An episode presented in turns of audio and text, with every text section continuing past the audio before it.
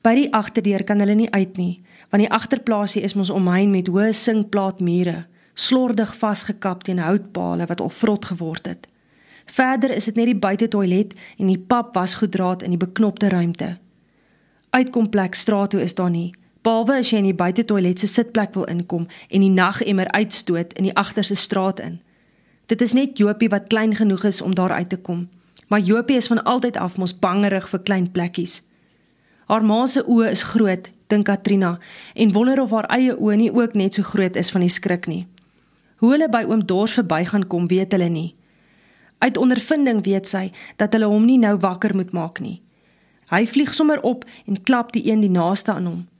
Katrina loer om die deur sitkamer toe. Hy slaap, fluister sy en sluip op haar tone verby hom. Toe sy buite op die stoep is, sien sy die ander agter haar. Hester stamp haar byna bo van die stoep af, so gretig is sy om weg te kom. Loop om na tannie Judy toe, sê Cathy vir die kinders. Hulle klop nie, want Judy hulle se deur staan oop en hulle is te bang om 'n geluid te maak. Net nou word hy wakker. Hulle is al in Judith hulle se kombuis toe Katrina sien dat Judith en haar ma in die kombuis staan asof hulle hul verwag het. Ek kon hoor die bliksem is terug, sê Judy toe Cathy inkom. Weer dronk. Dit lyk vir Katrina nie asof haar ma gaan antwoord nie. Sy skud net haar kop op en af.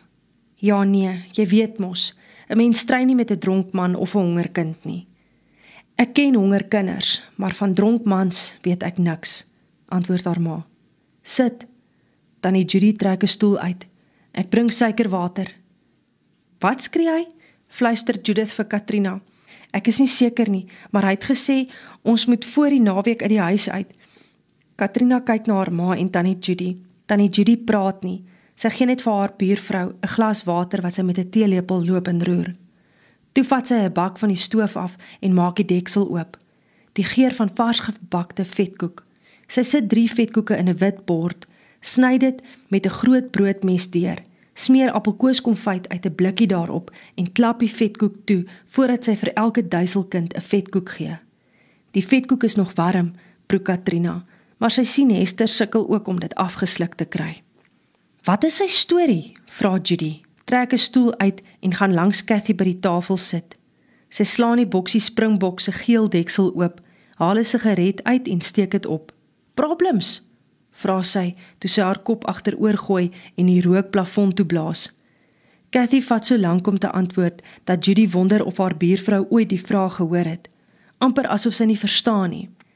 Hy het die huis aan iemand vir 'n bottel brandewyn verkwansel. Dis nou maar van drank, sê Judy. Hy maak hulle nog dommer as wat hulle is. Kan hy dit doen? Dis nie die eerste keer nie, sê Judy. Ek bly. Cathy lyk skielik geïntimideerd. Hy sal vir julle uitmekaar uitdonder, waarsku Judy. Slaap vanaand liewer hier. Ons sal môre 'n plan maak. Miskien as hy sy roes afgeslaap het, sê Cathy maar dit is duidelik dat sy haarself nie juis glo nie. Die dronk deal is ongelukkig klaar gedoen. Ek weet jou, die nuwe huurder staan môre voor die deur. Ek gaan met Rafat praat, sê Cathy. Sal hy help nie? Hy hoop lankal hy kan 'n nuwe huurder kry wat gereeld betaal. Dis maar hoe geld praat. Driftig druk Judy die halfgerookte sigaret in die glasasbakkie binne in 'n trekkerbandjie dood. Dis hoekom ons armes stom is. Die vier kinders slaap al vier in een kamer en die twee vrouens in die ander een. Vroeg al maak Judy hulle wakker. Ek het 'n plan gekry, sê sy en skink 6 bekers swart koffie, bitter. My broer se garage staan oop. Ek sal hom vra of jy daar kan bly. Hy het tog nie 'n kar nie. Waar bly jou broer? vra Cathy.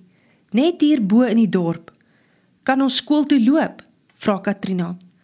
Skool sal nou eers 'n bietjie moet wag, my pop.